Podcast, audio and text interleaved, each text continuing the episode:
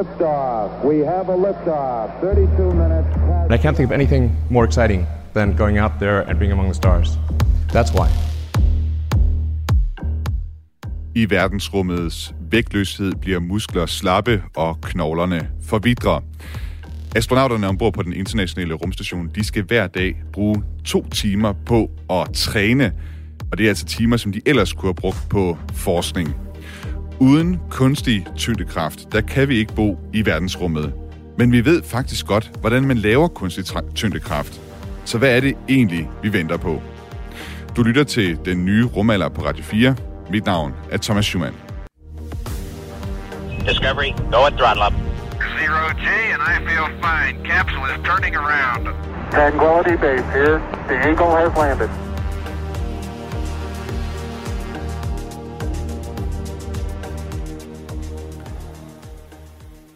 Sten Ejler Jørgensen, velkommen til den nye rumalder på Radio 4. Tak. Du er underviser hos uh, Science Talenter og foredragsholder i rumfartens historie. Og så er du min gæst i dag, fordi du er passioneret fortaler for kunstig tyngdekraft, som vi taler om i dag. Du uh, skrev tilbage i 2016 et blogindlæg på uh, Ingeniøren med overskriften Kunstig tyngdekraft nu. Hvad var det, du ville opnå med den uh, artikel af det, det blogindlæg der? Det var nok primært et udtryk for en, en, en, en vis frustration over, at, øh, at, at man, jeg, jeg synes i hvert fald på det tidspunkt, øh, der, der hører man tit folk sige, at vi kan ikke sende folk til Mars, før vi ved noget mere om, hvordan vægtløshed påvirker menneskekroppen. Og, og, øh, og når, når man har læst det, Robert Zubrin har skrevet, så genkender man det her jo som en helt mm. klassisk vi kan ikke gøre noget som helst i rummet, før at I har givet mit forskningsområde en masse penge. Vi skal lige uh, forklare måske, Robert Subrin, det er den her ingeniør, som i lang tid har uh, hvad skal man sige, argumenteret for, at vi skal sende uh, mennesker til Mars. Han har skrevet bogen The Case for Mars, og også The Case for Space. Det er hans sådan uh, plan eller for, forestilling om, hvordan man kan sende mennesker til Mars og kolonisere den røde planet som blandt andet har inspireret Elon Musk øh, og andre, som, som har tænkt i de her baner også, bare lige for at få ham øh, placeret. Men du siger, Sten, at, at hvad skal man sige, det, Robert Subrin, han har sådan identificeret den her ting med, med vægtløshed som sådan en hemsko, eller hvad skal man forstå det sådan? Ja, altså at, at, at han mener at have identificeret rigtig mange forskellige områder, hvor, hvor, hvor hvad skal man sige, Fysiologerne siger, at vi kan ikke sende mennesker til Mars, før vi ved noget mere om, hvordan vægtløshed påvirker menneskekroppen. Materialeforskere siger, at vi kan ikke sende mennesker til Mars, før vi har fundet ud af, hvad vi skal bygge Mars-basen af. Raketforskere siger, at vi kan ikke sende mennesker til Mars, før vi har brugt en masse penge på et stort øh, forskningsprogram om, hvordan vi skal. Alle, der ligesom kan se, og oh, her kan jeg få nogle penge til min forskning, de siger, vi kan ikke sende mennesker til Mars, før I har brugt lidt flere penge på mit område her. Mm. Og, og, det er jo, og, og det er det, som Robert Tublin angriber og siger, det er noget værre sludder. Vi kan sende mennesker til Mars nu, hvis vi vil. Mm. Øh, og det er da klart, at der er masser af områder, som det ville være rart at vide noget mere om, men, men det er ikke showstopper. Og, og, og det er det, som, som han angriber. Og det synes jeg et eller andet sted, han har ret i, at i mange, mange år har det heddet sig, at der er 20, 30, 40 deciderede showstopper på vejen til Mars. Og der bliver, det der bliver det her med vægtløsheden, det bliver nævnt som, som en af dem, at, øh, at ja. det, er en, det er en af grundene til, at vi ikke kan tage til Mars, fordi der er simpelthen nogle forskere derude, der siger, at vi skal vide mere om vægtløshedens øh, påvirkning af, af de astronauter, vi sender afsted. Men er det ikke et meget godt argument, eller, eller hvad tænker du? Øhm, jo, altså hvis man siger, hvis det vidderligt var en showstopper, så jo, men, men igen, det, det kommer så meget an på, hvor, hvor store risici man er villig til at løbe. Fordi det er klart, at hvis vi skal være 100% sikre på, at alt, hvad vi foretager os i rummet, er helt og aldeles risikofrit, og vi kan forudsige et hvert udfald 100% på forhånd, jamen så skal vi jo forske uendeligt meget, før vi når dertil. Altså hvis vi skal eliminere alle usikkerheder, så kommer vi jo aldrig nogen vegne. Øh, og, og, og man kan sige, det her, det sker jo alt sammen i, i hvad skal man sige, i, med sikkerhed for øje. Ikke? Øh, fordi vi vil jo nødig have, at folk brækker arme og ben lige så snart de stiger ud på Mars' overflade. Så derfor er det vigtigt at vide noget. Øh, og, og der er der er Subins argument, og det som så var, var mit sigt med det der blogindlæg, det var jo at sige, kære venner, vi kan jo bare bruge kunstig tyngdekraft derude. Så slipper vi helt for alt det der om, hvordan påvirker øh, vægtløshed, menneskekroppen, så, så kan vi ligesom springe det, springe det over. Og det kræver selvfølgelig, at vi bruger nogle penge på at forske i kunstig tyngdekraft, men alt den stund, at vi formodentlig kommer til at få brug for kunstig tyngdekraft under alle omstændigheder før eller siden, så kan vi jo lige så godt gøre det nu. Mm. Fordi så, så står vi i en, i en langt bedre situation til meget længere rejser længere ud i solsystemet, når vi kommer til det. Og jeg tror, det er sådan en ting, som, som ikke nødvendigvis er gået op for alt for mange mennesker, at, at det her med kunstig tyngdekraft, det kan jo lyde avanceret på en eller anden måde, men, men det er faktisk ikke særlig avanceret, og det er noget, som øh, øh, vi forstår, hvis man sige, fysikken i. Det er noget med, øh, så vidt jeg har forstået, altså faktisk kunstig tyngdekraft, det er noget, man kan demonstrere derhjemme, hvis man gerne vil. Hvis man tager en spand øh, og fylder den halvt op med vand, så kan man øh, egentlig demonstrere tyngdekraft. Jeg ved ikke, om du kender, kender det her eksperiment, øh, Sten. Hvordan er det, man, jo, jo. Kan, man kan demonstrere kunstig tyngdekraft i den sammenhæng? Jo, altså hvis du, hvis du kommer lidt vand i bunden af en spand, så er det klart, så længe du holder spanden, øh, så ligger vandet nede i bunden af spanden. Hvis du vender bunden i vejret på spanden, så løber det ud. Men hvis, men hvis du slynger spanden hurtigt nok rundt over dit hoved, så, så kan du jo sørge for, at vandet bliver inde i spanden. Og det er jo fordi, at vandet vil gerne falde ned, når det er derop, men hvis, hvis du slynger det rundt, så har det jo samtidig en vis fart sidelæns, lad os sige, lige det øjeblik, den over dit hoved, så vil, den, så vil vandet gerne fortsætte lige ud, fordi det har fart på, men spanden trækker ligesom med rundt. Det er det, vi kalder for centripetal acceleration. Set fra vandets synspunkt, der bare sidder inde i spanden, så oplever vandet øh, omvendt en kraft, der ligesom trækker det udad. Så set fra vandets side, der vil vi kalde det en centrifugal acceleration. Øh, de fleste kender udtrykket centrifugal kraft. Det er sådan, vi tørrer tøjet i vaskemaskinen, før det, før det kommer ud, simpelthen ved at slynge vandet ud. Øhm, så, så der kan man ligesom se, hvordan det er. Og hvis man forestiller sig, at i stedet for, at det var vand, man havde nede på bunden af den her spand, men det var en lille astronaut, og at spanden var et rumskib, så er det sådan bare et spørgsmål om at slynge rumskibet rundt hurtigt nok, så vil den astronaut, der står nede på bunden af spanden, selvom vedkommende er ude i rummet, hvor der ellers er vægtløst, opleve en kraft, der trækker ud af ned mod gulvet i rumskibet, så at sige. Set udefra er det selvfølgelig ikke en centrifugal kraft, der er det bare, astronauten ville fortsætte lige ud i rummet, hvis ikke at vedkommende stod på et gulv, der roterede rundt. Mm. Og det, det, er jo, det er jo netop en, en, en måde, altså det er jo, det er sådan den typiske måde, at, hvad kan man sige, det, det her rotation, den centrifugale kraft, vil være den måde, man kunne øh, skabe øh, kunstig tyng, tyngdekraft på.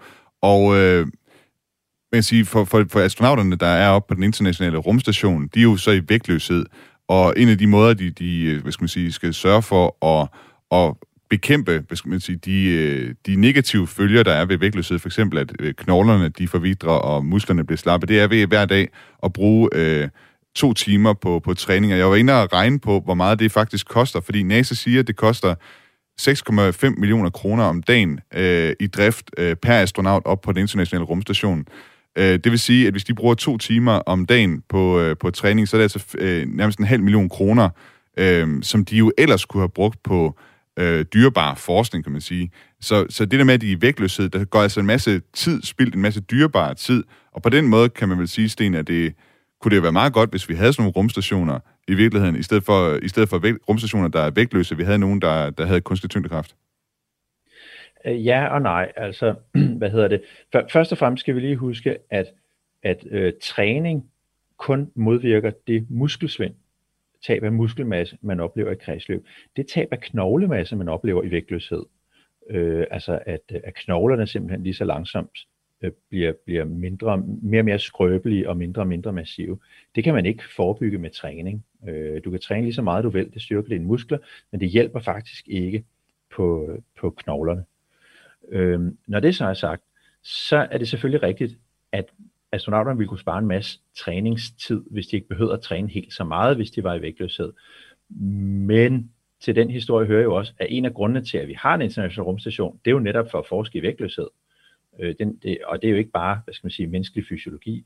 Det er også for at se sådan noget med, hvordan vokser øh, planter i vægtløshed, hvordan opfører dyr sig i vægtløshed, hvordan vokser krystaller i vægtløshed, hvordan opfører alle mulige materialer og kemiske øh, forbindelser sig i vægtløshed. Så, så man kan sige, der er mange gode grunde til, at vi har en vægtløs rumstation.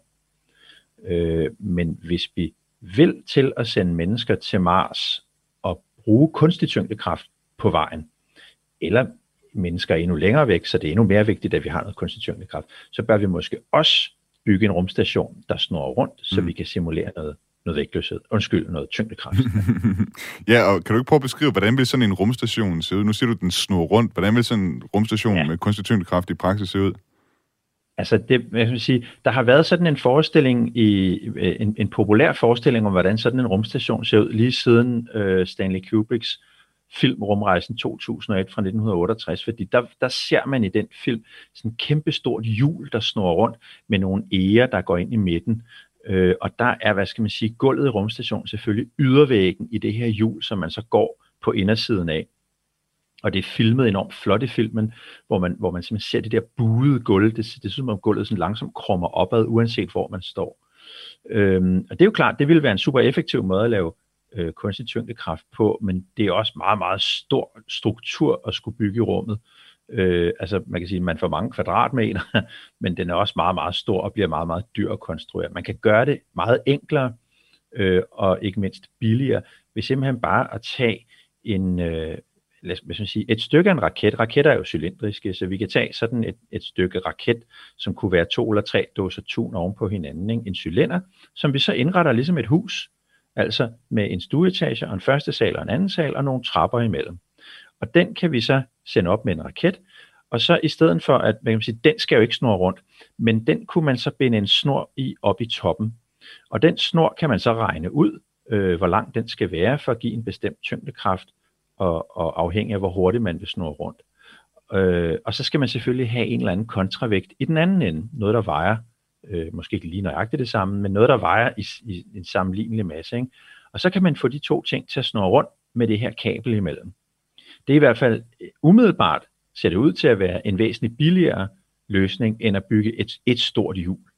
Til gengæld betyder det så, at vi skal have et kabel, og det vil jo for eksempel være en eller flere stålwire, øh, som er spændt ud imellem de her to vægte, og som så roterer omkring.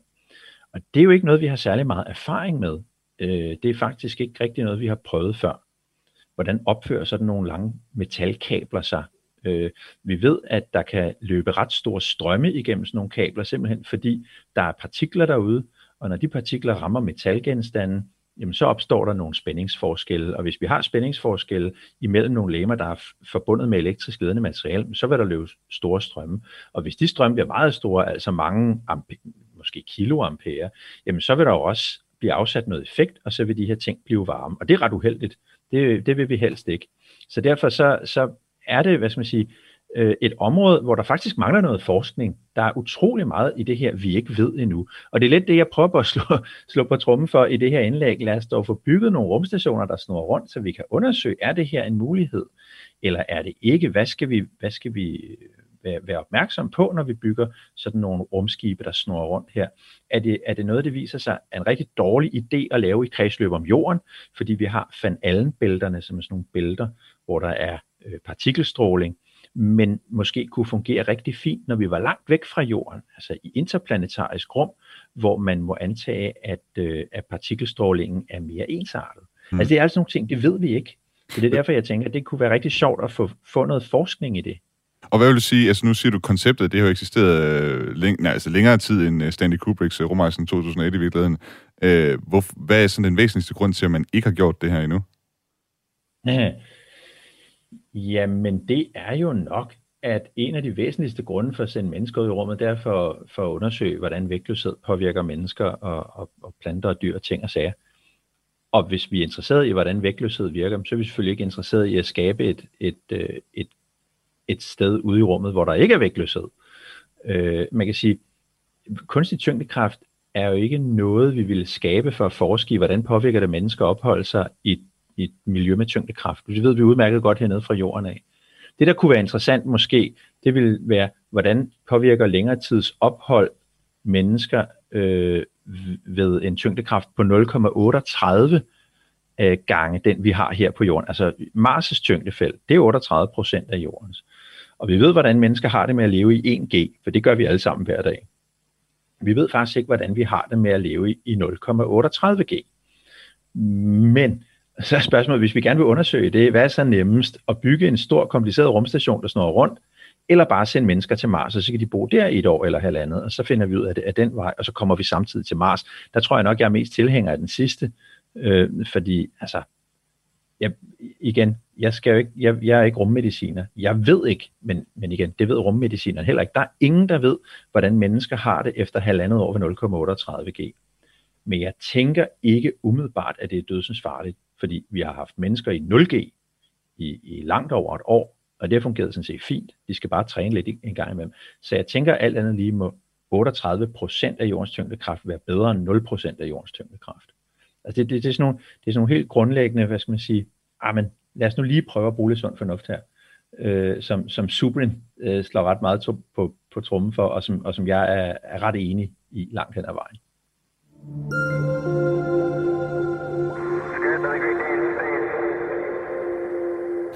Du lytter til den nye rumalder på Radio 4. Mit navn er Thomas Schumann, og min gæst i dag er Sten Ejler Jørgensen. Han er underviser hos Science Talenter, og så også foredragsholder i rumfartens historie. Og i dag der taler vi om kunstig tyngdekraft på rumstationer. Og øh, der findes faktisk en øh, virksomhed derude, som har til hensigt at bygge en roterende rumstation med kunstig tyngdekraft. My name is Tim Alatori. I'm the Chief Operating Officer of Orbital Assembly Corporation, and I'm building a rotating space station. Ja, det her det er Tim Alatorre fra virksomheden Orbital Assembly Corporation. Han siger selv, at han er Chief Operational Officer, og øh, jeg kunne sådan på deres hjemmeside finde ud af, at det er altså lige skridtet under direktøren i øh, virksomheden. Og deres mission i virksomheden, det er altså at bygge øh, rumstationer i rummet. Øh, deres koncept, det er sådan en cirkelformet, roterende rumstation, som vi har talt lidt om indtil videre, med kunstig tyngdekraft, altså lidt som den i rumrejsen 2001. De kalder selv deres øh, rumstation for Voyager-rumstationen. I think, you know, all future rotating space stations are going to be based in part on that work that was done, you know, in the in the late 50s, early 60s, and um, and even before that, people conceptualized these ideas. Mm. So uh, we we aren't the first to come up with the idea, but we're definitely uh, working as fast as we can to be the first to actually make it reality. And all of our competitors that are in the space, uh, the second space race, as, as we call it, they're all working on recreating what the International Space Station was as their first step, creating a microgravity platform. And and we don't think that's that's helpful. Um, we we want to we want to make it possible for people, you, myself, uh, anybody who wants to, to go to space and be there for long periods of time. So that's that's where our focus has been. Får lige opsummere, hvad Tim Alatorre han siger her. Altså, alle roterende rumstationer, de kommer til at basere sig på de her tidlige koncepter, som vi blandt andet øh, har set øh, øh beskrevet af folk som Werner von Braun og, og Tsiolkovsky, øh, nogle af de her tidlige pionerer i rumfartens øh, historie. Og så siger han, at øh, hans konkurrenter, de arbejder på rumstationer med vægtløshed, men det mener Tim ikke øh, hjælper. Han vil gøre det muligt for alle at kunne opholde sig i lang tid i rummet. Og så kan jeg tilføje, at den her kunstige øh, tyngdekraft, som han gerne vil have, have etableret på de her Voyager-stationer, det er, det er, altså, selve stationen kommer til at have en radius på 100 meter, meter og så en rotationstid på cirka 50 sekunder, hvilket vil betyde, at øh, selve ringen den bevæger sig med cirka 45 km i timen. What we've seen over the last number of years is, you know, starting with SpaceX and now pretty much all the other launch providers are are moving in this direction of reusability. We're seeing these launch costs come down dramatically. Already with the Falcon 9, launch costs are about half of what they were only a decade ago. And with uh, SpaceX's Starship and Blue Origin's New Glenn and um, uh, uh, Rocket Lab and their, their neutron rocket, we're seeing prices come down even more. And I think in a few years, we're going to see those prices down in the hundreds of dollars per kilogram and possibly even less than that. And so that starts to make building large structures in space feasible economically. And now there's um, a roadmap to not only have it be funded by large government pockets, but also private companies like ourselves. We now see a profit side to this where the economics make it feasible for um, private companies to get into this market. And so, so that's the shift. You know, that, that's why it didn't happen, and this is the shift that's now making it possible in 2021. And I was uh, interested to to learn uh, that you're not going for Earth gravity on this uh, on this Voyager space station. You're going for lunar gravity. Why is that? Well, baby steps. baby steps is the answer. Um, Earth gravity would require a much larger structure, and we're trying to get to uh, to gravity as quickly as possible. And, and we know that humans don't need Earth gravity to survive. Um, you know, if you think about it, every night you go down and you you sleep. Uh, most people sleep horizontally, and so your body isn't combating gravity while you're sleeping. Your, your blood isn't having to be pumped up to your head. So we know for at least um, you know 30% of your day you don't have to be in a gravity environment. So we're trying to figure out what that gravity prescription is. You know, how much gravity does somebody actually need? So lunar gravity is is a good starting point. Uh, NASA and the international community are looking to build, uh, you know, a permanent presence on the moon, and so having a station in low Earth gravity, low Earth orbit with lunar gravity will allow various space agencies and commercial companies to train people going to the moon to test hardware that's bound for the moon. So we see a lot of short-term commercial applicability, and that also allows us as a company to learn how to operate and control a station in in that artificial gravity environment. And then future stations will will incrementally step up to mars gravity and then eventually earth gravity. Det var altså Tim Alatorre, uh, Chief Opera- Operational Officer, som vi hørte fra her. Han sagde altså i det her klip, at SpaceX og andre private rumfartvirksomheder, de har altså sørget for, at prisen på at sende ting i rummet, det falder drastisk. SpaceX har allerede sørget for en halvering i prisen, og om få år, så vil prisen på at sende øh, 100, øh, eller sende, øh, sende et kilo øh, i rummet, det vil være nede på 100 dollars, og måske mindre endda, og derfor så kan man se på, at det, det bliver mere og mere økonomisk fornuftigt at gå ind på det her marked i at bygge store rumstationer. Og de satte sig altså på øh, hos, øh, hos øh, Orbital øh, Assembly Corporation, at der skal være månetyngdekraft på den her øh, rumstation, fordi det er nemmere i første omgang, og så vil de finde ud af, hvor meget tyngdekraft folk de egentlig har brug for i sidste ende. Øh, hele, hele konceptet det henvender sig primært til øh, rumturister, som man siger, der er et øh, stort marked for.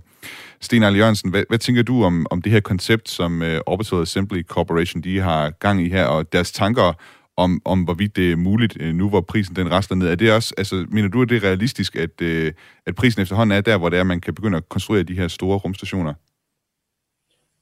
Altså først og fremmest vil jeg sige, at jeg synes, det er en utrolig spændende plan, de har. Altså hvis, hvis det virkelig kunne lykkes at, at bygge en roterende rumstation i kredsløb om jorden, det ville jo være verdens første. Øh, så, så det synes jeg selvfølgelig er super spændende. Jeg tror måske, han er lige, lidt, lige lovligt optimistisk med hensyn til priserne. Øh, fordi det sidste, jeg har hørt, altså i, i mange år hed det sig, at det var sådan en tommelfingerregel, at det koster cirka 10.000 dollars at få sendt et kilo i kredsløb om jorden. Øh, og 10.000 dollars, det var jo så 60, 70, 80.000 kroner, ikke?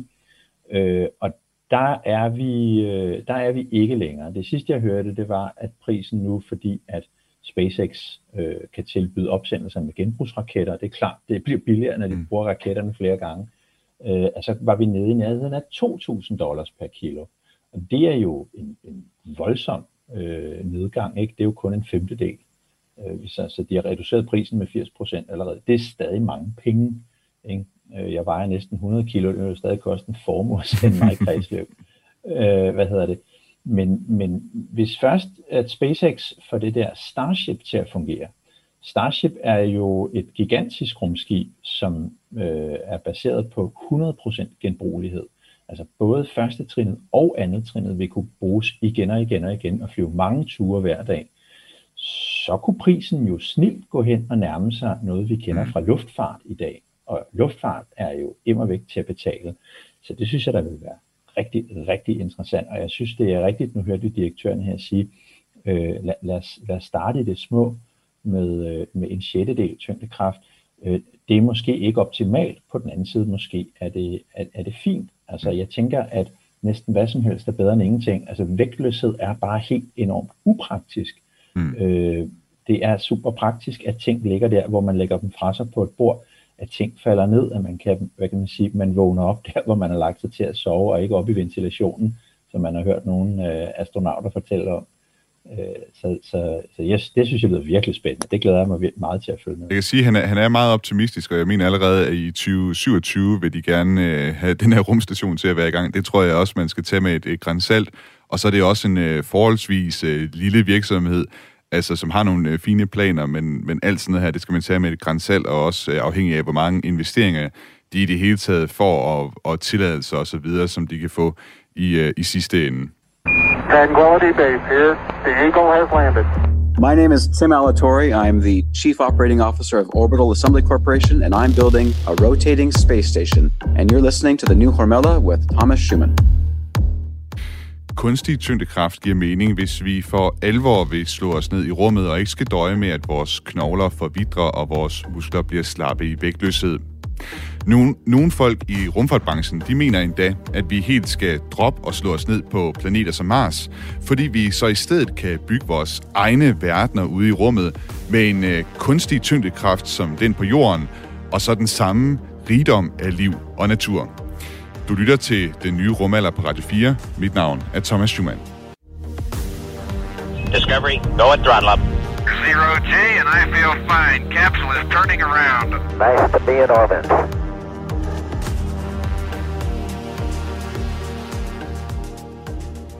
Og min gæst i dag, det er Sten Ejler Jørgensen, underviser hos øh, Science Talenter og foredragsholder i rumfartens historie.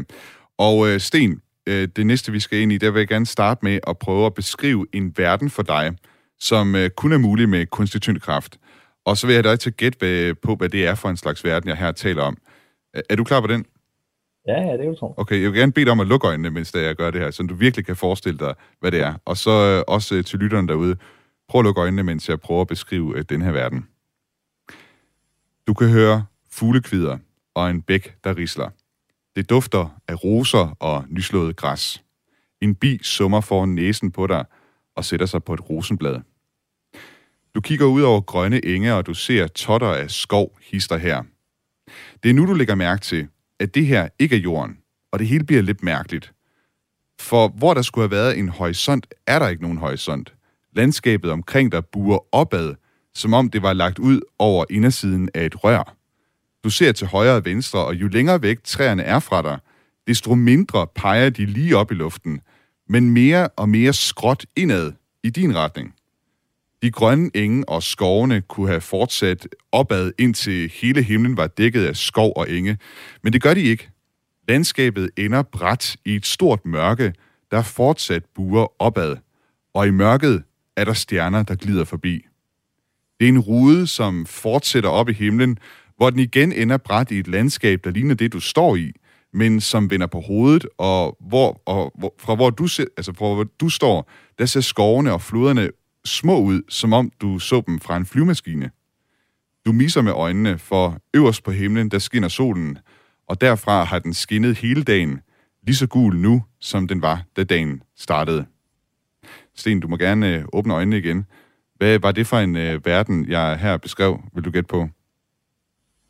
Jamen, det var jo øh, en beskrivelse fra indersiden af en O'Neill-cylinder, Ja, som er sådan et, øh, ja, et, et, hvad skal man sige, et rumskib eller en rumstation, hvor man bor på indersiden af en roterende cylinder, hvor, hvor, øh, hvor, som du så smukt beskriver, øh, træerne vokser ind mod centrum af cylinderen, uanset hvor de er, og, og, hvor, og hvor du står med fødderne ud mod rummet og hovedet ind mod centrum af cylinderen, sådan at overalt i cylinderen har du en udadrettet simuleret tyngdekraft, en kunstig tyngdekraft, ikke? og den, den cylinder skal selvfølgelig rotere øh, for, for at opretholde den her tyngdekraft. Sy- synes du, jeg ramte nogenlunde rigtigt med min beskrivelse? Ja, jeg synes, det var en smuk beskrivelse. Det er et sted, jeg godt kunne tænke mig at besøge. Det lyder Ja. spændende. Ja. Som sagt, øh, som du også er inde på her, altså det, er, det er et koncept, øh, som er udviklet af fysikprofessoren, den amerikanske fysikprofessor Gerard O'Neill, og der er navnet O'Neill Cylinder. Altså det er sådan nogle øh, kilometer lange cylindre, kan de være i hvert fald. Øh, flere kilometer lange, og også nærmest en, ki- en kilometer øh, bred i, i diameter. De, de, jeg tror, de kan nærmest designes øh, efter for godt befindende, hvor stor man gerne vil, vil øh, designe det her. Og Jared O'Neill, han skrev altså en bog tilbage i 1976, der hedder The High Frontier, hvor han beskriver det her koncept. Og som han øh, påstår i bogen i hvert fald, så kræver det ikke nogen ny teknologi, øh, sådan rent, øh, altså rent det teknologiske stade, vi er på, de materialer, vi har råd til, vi, vi har rådighed over nu, som vi, som vi mestrer nu, det er nok til at kunne lave de her cylindre i, øh, i teorien i hvert fald. Man kan sige, det der så kræves, det er så en, en meget seriøs rumfart, øh, rumfartinfrastruktur, som vi ikke øh, har på nuværende tidspunkt. Er det ikke nogenlunde øh, rigtigt forstået, Sten? Jo, jo, bestemt. Og øh, Jared O'Neill, han har været en øh, stor inspiration for mange i rumfartbranchen. Han har også været en øh, stor inspiration for verdens rigeste mand, Jeff Bezos, manden bag øh, Amazon og rumfartvirksomheden øh, Blue Origin. Faktisk så er Jeff Bezos endelige mål med hans rumfartvirksomhed at bane vejen for de her O'Neill cylinders.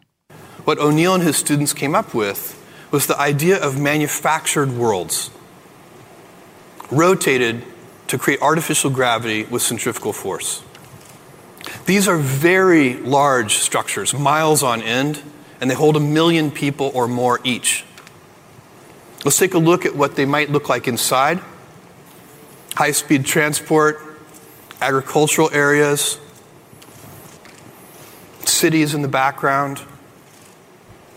Some of them would be more recreational.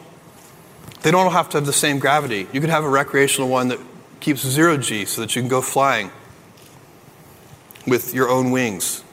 Some would be national parks. These are very, these are ideal climates. These are shirt sleeve environments. This is Maui on its best day all year long. No rain, no storms, no earthquakes. What does the architecture even look like when it no longer has its primary purpose of shelter? We'll find out. Ja, som uh, Jeff Bezos han uh, sagde her i sådan en livestream, som uh, Blue Origin lavede for nogle år siden, så de her cylinder, de kan altså rumme en million mennesker, hvis ikke flere. Uh, man kan producere flere og flere af dem, altså der kan bruge mange millioner mennesker i rummet i de her cylinder. Der kan være landbrug, der kan være byer inde i de her O'Neill cylinders. Og man kan have mange forskellige slags tyngdekraft. Man kan bruge dem meget forskelligt. Der kan være nationalparker, og man kan designe lige præcis det klima, man har lyst til det. Han siger også, øh, hvordan arkitektur så ser ud i sådan en øh, cylinder, når vi ikke har brug for hus, der kan beskytte os mod vejret. Det er et øh, åbent spørgsmål, som vi stadig øh, venter at få svar på. Liftoff. We have a liftoff. 32 minutes past the hour. Liftoff on Apollo 11.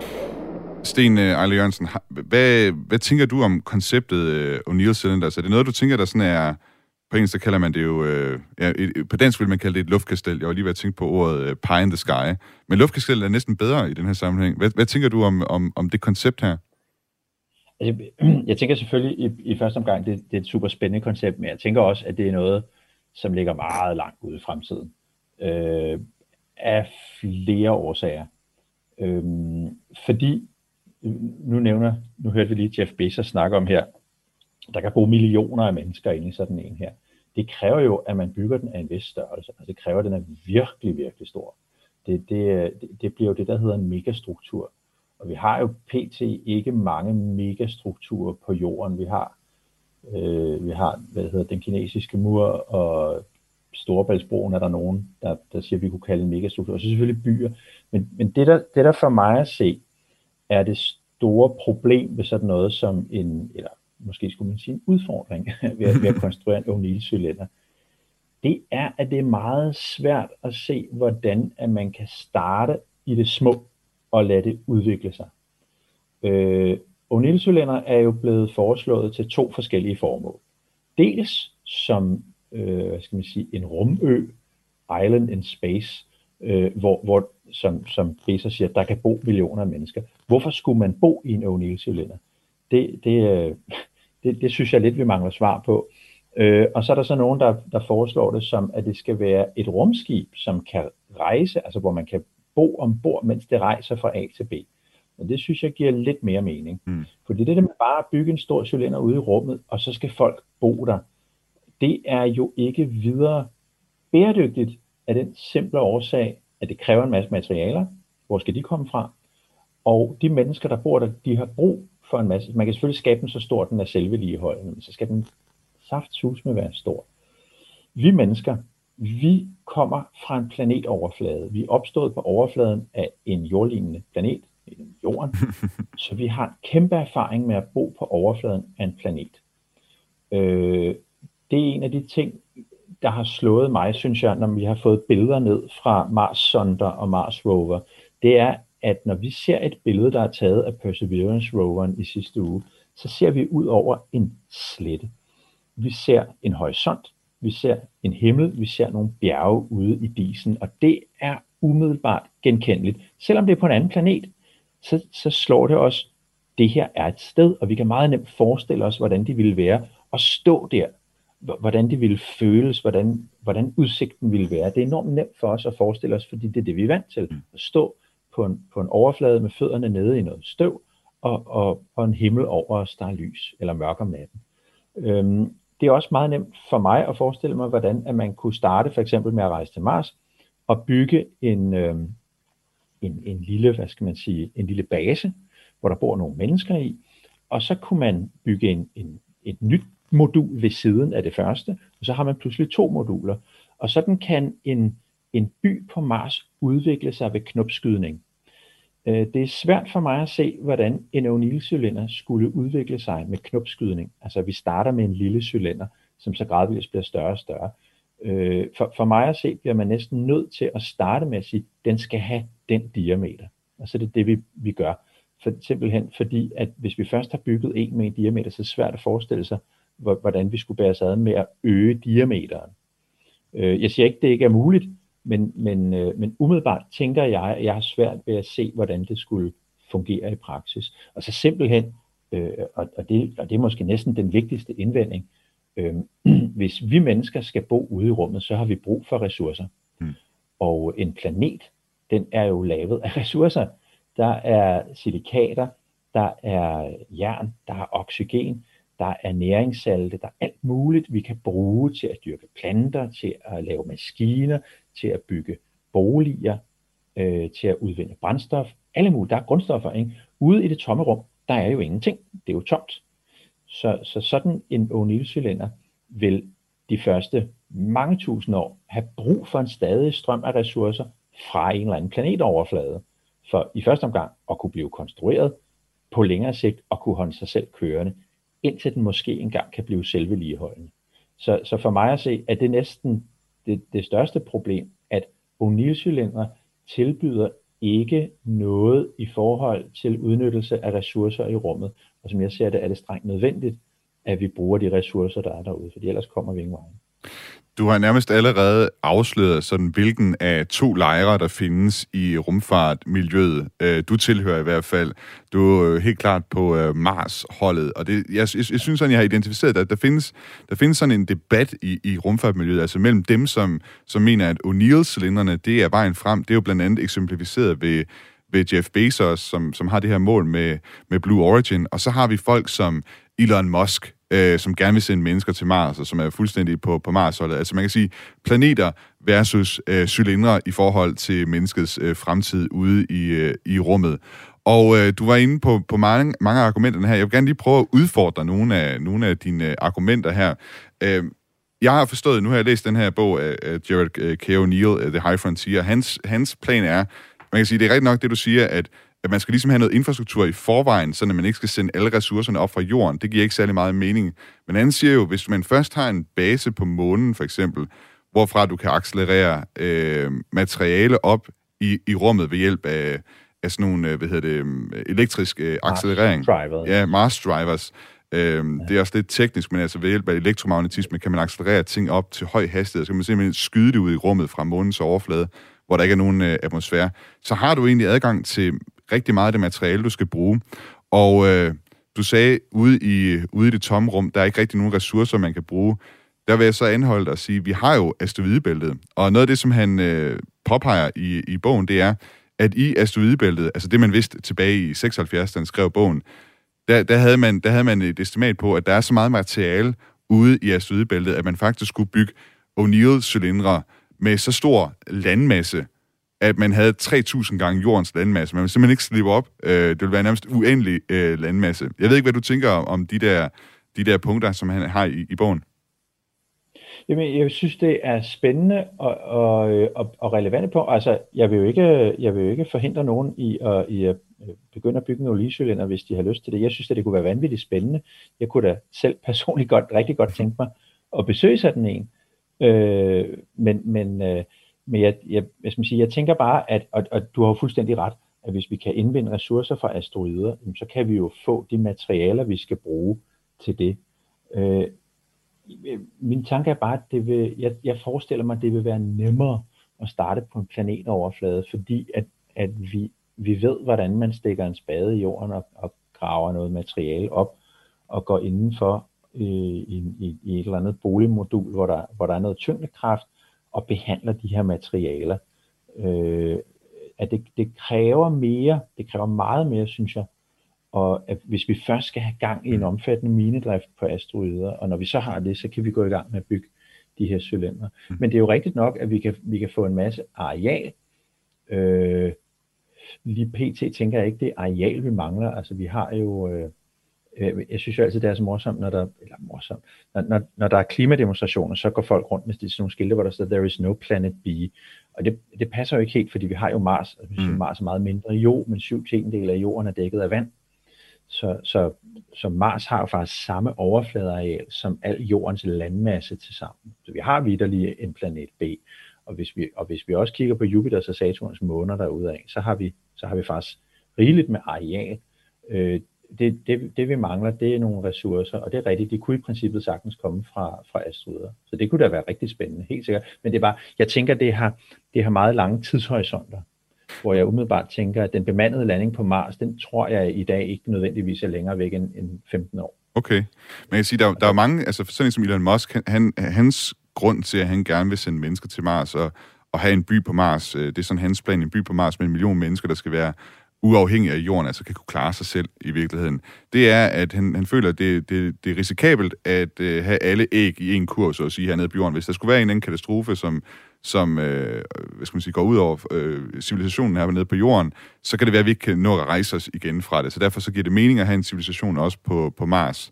Man kan så sige, problemet er bare, hvis der nu er liv på, på Mars i øh, forvejen, øh, eller hvis, der, hvis vi ikke kan udelukke det i hvert fald, så kan man sige, at hvis vi begynder at, at kolonisere Mars, så, så ødelægger vi jo i, i muligvis et habitat for, for, for liv. Og der kan man sige, hvis argumentet er, hvad skal man sige, bevare menneskene, så kunne de her O'Neill-cylinder i virkeligheden være en vej udenom det, altså uden om, at man i virkeligheden tager, tager noget, hvad skal man sige, ødelægger et miljø for, for noget andet liv derude. Ja, men det er jo rigtigt nok. Øh, men, men man kan sige, vi har, vi har jo lidt efter liv på Mars et stykke tid. Altså oprindeligt troede vi jo, at, at Mars var, at der var skove på Mars og sådan noget. Ikke? Det fandt vi jo så ud af, da den første rumsonde fløj forbi Mariner. 4 i, i starten af 70'erne, ikke? at det er vidderligt bare en stor ørken med en masse krater. Øh, og så begyndte man at snakke om, det kunne være, der var noget mikroskopisk liv, der kunne være bakterier, og det har vi også let efter, og vi har ikke rigtig fundet noget endnu, men der er mange steder, vi ikke har let, og der er mange typer af mikroorganismer, vi ikke har let efter endnu. Øhm, men umiddelbart tænker jeg ikke, det er det store problem at sende mennesker til Mars, sådan i mindre skala, til en start i hvert fald. Mm. Øh, og hvis vi gerne vil vide, om der er liv på Mars, så bliver vi næsten nødt til at sende nogle mennesker derop, simpelthen fordi, at mennesker er utrolig gode til at forske og til at gå ud og grave noget op og tage ind og kigge i det i et mikroskop. Altså, øh, jeg er med på, de marsrover, vi har kørende deroppe nu, de returnerer jo en guldgruppe af information og målinger deroppe fra, som vi kan bruge til virkelig meget. Men vi ville få udrettet langt mere, hvis vi havde et par dygtige forskere på Mars. Øh, og så kan man sige, altså det, det er klart, at vi bliver nødt til at snakke om, hvordan vi freder områder af Mars, hvis vi rent faktisk finder noget, noget levende liv, øh, som, som skal have lov at udvikle sig i fred. Og det har vi ikke rigtig nogen procedurer for endnu.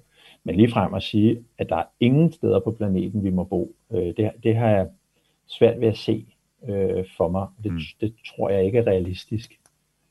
Apropos det der med at frede, øh, hele det spørgsmål, det er jo faktisk også et af de argumenter, de argumenter som både Jared O'Neill og Jeff Bezos, de har for de her O'Neill-cylinders. De forestiller sig jo, og der, der vil jeg så give dig ret, at det, det er nok en, øh, hvad skal man sige, noget, der ligger meget langt ude i fremtiden, at man simpelthen flytter al jordens industri ud i de her cylindre, øh, så at man kan gøre jorden til en øh, naturpark. Det er en meget smuk tanke et eller andet sted. Ja, jeg synes, det er en fantastisk spændende og, og meget smuk tanke. Øh, jeg, jeg, må, jeg må sige, at jeg er ikke en stor fan af Jeff Bezos, men han nævnte i en tale ja. for, for, for nogle uger siden, og blev straks latterliggjort øh, på de sociale medier, for, for at have for, foreslået noget så åndssvagt. Og det, og det synes jeg faktisk ikke er helt fair, øh, for jeg synes faktisk ideen om, øh, altså lad os prøve at forestille os en gang i fremtiden, at vi kan forbyde råstofindvinding på jorden, fordi vi har et, et, et stadigt supply af materialer fra rummet. Det ville da være fantastisk. Altså, det, vi, vi har jo alle sammen set, hvordan en, en, en sådan noget strip mining ser ud. Det ser jo ikke pænt ud, vel? Det efterlader et kæmpe krater, hvor, hvor der kunne have været noget natur. Øhm, så, så hvis vi kan forestille os en fremtid, hvor vi får vores ressourcer fra rummet, fra asteroider for eksempel, eller fra månen, øh, i stedet for at grave dem op af jorden, det synes jeg da umiddelbart er ønskværdigt. Og så kommer industrien, ikke? Hvor vi er vant til, at, at når vi mennesker forarbejder ting, jamen så er der nogle spildprodukter, så er der nogle affaldsprodukter, og hvad gør vi med dem? At det er det, der er problemet. Ikke? Øh, tænk, hvis vi kunne fremstille ting på månen. Månen er vidderlig en stor ørken. Altså der, der er med garanti ikke et økosystem noget sted på månen. Øh, så er det i hvert fald godt gemt. Så, så hvis vi kan i går så forurene månen i stedet for jorden, hvor vi ved, der er et, et sårbart økosystem, som vi skal passe rigtig godt på, så vil jeg da ærligt talt mene, det er da klart at foretrække at forurene på månen frem for forurene på jorden. Altså der er nogle gode debatter og diskussioner, der ligger derude i fremtiden, om, øh, om, om det giver mening det her, om, om vi i virkeligheden skal, skal jeg skal ikke, altså det lyder så voldsomt, flytte ud i rummet, ikke? Men begynd på noget ude i rummet, og jo mere aktivitet, der kommer ude i rummet, jo, jo større bliver sandsynligheden for, at vi, kan, at vi kan sige, måske skal vi prøve at nedskalere lidt på jorden, for ikke at belaste øh, biosfæren så voldsomt. We all want to live in like, you know, that Star Trek, Star Wars world where, you know, you jump in your X-Wing and you go cruise around among the planets. Like, who doesn't watch one of those movies and imagine it, right? Vi er ved at nå øh, afslutningen på dagens udsendelse af den nye rumalder her på Radio 4, og øh, vi bliver faktisk lige lidt ved det her med rumstationerne. Vi skal lige øh, omkring en øh, nyhed.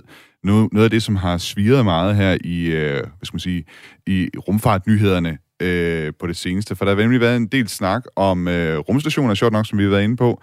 Øh, Blue Origin, som vi talte om øh, før, som altså bliver anført af Jeff Bezos, de vil gerne lave en kommersiel øh, rumstation kaldet Orbital Reef, som de annoncerede den 25.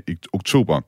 Og øh, planen er altså, at i slutningen af 2020'erne, så vil de øh, lave den her kommercielle rumstation Orbital Reef, og øh, de skrev i deres øh, pressemedtal, og jeg citerer her, The premier mixed-use space station in low Earth orbit for comment, uh, øh, commerce, research and uh, tourism, altså en, uh, den fremmeste uh, rumstation, der kan bruges til både uh, erhverv og forskning og turisme. Og mulige kunder øh, regner de med, vil altså, kan altså både være rumfartagenturer, det kan også være lande, der ikke har deres eget rumprogram, og derfor ikke råd til at sende deres egen rumstation derop, såvel som øh, medier og rejsebyråer. Og der har været en del øh, virksomheder ude. Der har også været øh, Nanorex, øh, som har været ude og sige, at de også gerne vil lave en, øh, en privat rumstation, som skal hedde Starlab. Øh, I det hele taget, så er der en del, der har været ude og Det hænger også sammen med, at NASA faktisk opfordrer private virksomheder til at lave de her rumstationer. De vil gerne spytte nogle penge i det, hvis der er nogle virksomheder, som kan komme med et øh, godt koncept. Måske også fordi man er ved at tænke over, at den internationale rumstation ikke har så mange år på, øh, på banen endnu. Øh, Sten, øh, vi har lige et par minutter endnu her. Jeg vil lige høre dig. Øh, den internationale rumstation, er det, øh, er det så last year, og er, øh, er private rumstationer vejen frem? Uh, nej, altså den internationale rumstation er jo still going strong. Det er jo et internationalt forskningslaboratorium i absolut topklasse. Øh, og, og, og jeg bliver så imponeret hver gang, jeg kommer til at tænke, nu er det jo november, øh, og, og det vil sige, at der er noget med, at i år er det, er det, er det 20 år siden, eller er det 21 år siden, at de første mennesker blev sendt op til den internationale rumstation, og der har været mennesker på den rumstation lige siden. Så, så, så unge mennesker, der går i gymnasiet i dag, der har ikke været en dag i deres liv, hvor der ikke var mennesker i rummet. Øh, det er jo, og det er jo rumstationens skyld. Øh, det, er det er rumstationen, der har foranstaltet det her gigantiske internationale samarbejde mellem nationerne, som har, som har skabt den og som opererer den. Det eneste land, der ikke er med, det er Kina, ikke? Som, som er en rumfartsnation. Så det er, jo, det er jo i virkeligheden fascinerende. Jeg, jeg håber da sandelig, at rumstationen har mange år foran sig endnu. Øh, og jeg ved også godt, at der, der er planer om, at amerikanerne vil at trække sig lidt derude, uh, skal vi have nogle private ind og sådan noget. Og det er sådan set fint nok. Øh, jeg, jeg tror ikke, at, øh, at det der orbital reef er noget, der kommer lige nu. Jeg har godt set billederne. Øh, man må sige, at øh, Blue Origin har nogle virkelig dygtige grafikere ansat, fordi det ser safthus med flot ud. Øh, men jeg tror, der er meget øh, langt fra, øh, fra, fra tanke til handling lige der. Øh, men men ja, altså, det vil være vanvittigt spændende at se sådan et orbital reef der. Men, men, men, jeg, men jeg håber da bestemt, at den, og tror også, at den internationale rumstation stadigvæk har mange år foran sig. Det mener jeg. Og navnet Orbital Reef, det er selvfølgelig, altså, det er orbitaler, det er, hvad skal man sige, et, øh, et rev i kredsløb, kan man sige, altså ligesom et øh, koralrev ude i, ude i verdenshavene. Det er ligesom det, det spiller på. Det er så fordi, at man så vil kunne koble flere og flere moduler til den her rumstation. Blue Origin vil ligesom levere stammen til det, og så vil man ligesom kunne samle mere og mere, ligesom sådan et øh, koralrev. Sten Arle Jørgensen, vi har desværre ikke så meget tid tilbage af udsendelsen. Jeg skal til at runde af. Tak fordi, at du øh, var med i dagens udsendelse og taler om øh, kunstig tyngdekraft. Selv tak. Sten Arle Jørgensen han er underviser for Science-talenterne og foredragsholder om rumfartens historie. Dagens udsendelse af Den Nye Rumalder, det var tilrettelagt af Frederik Lyne. Mit navn er Thomas Schumann. Musikken, som du har hørt i udsendelsen i dag, er lavet af Testshot Starfish. Og øh, du kan som altid finde udsendelserne på øh, podcast inde på Radio 4's hjemmeside, eller på Spotify eller Apples podcast player. Skriv til mig på den nye rum, eller radio4.dk. Ad Astra. It's about believing in, in the future and, and thinking that the future will be better than the past. Um, and I can't think of anything more exciting than going out there and being among the stars. That's why.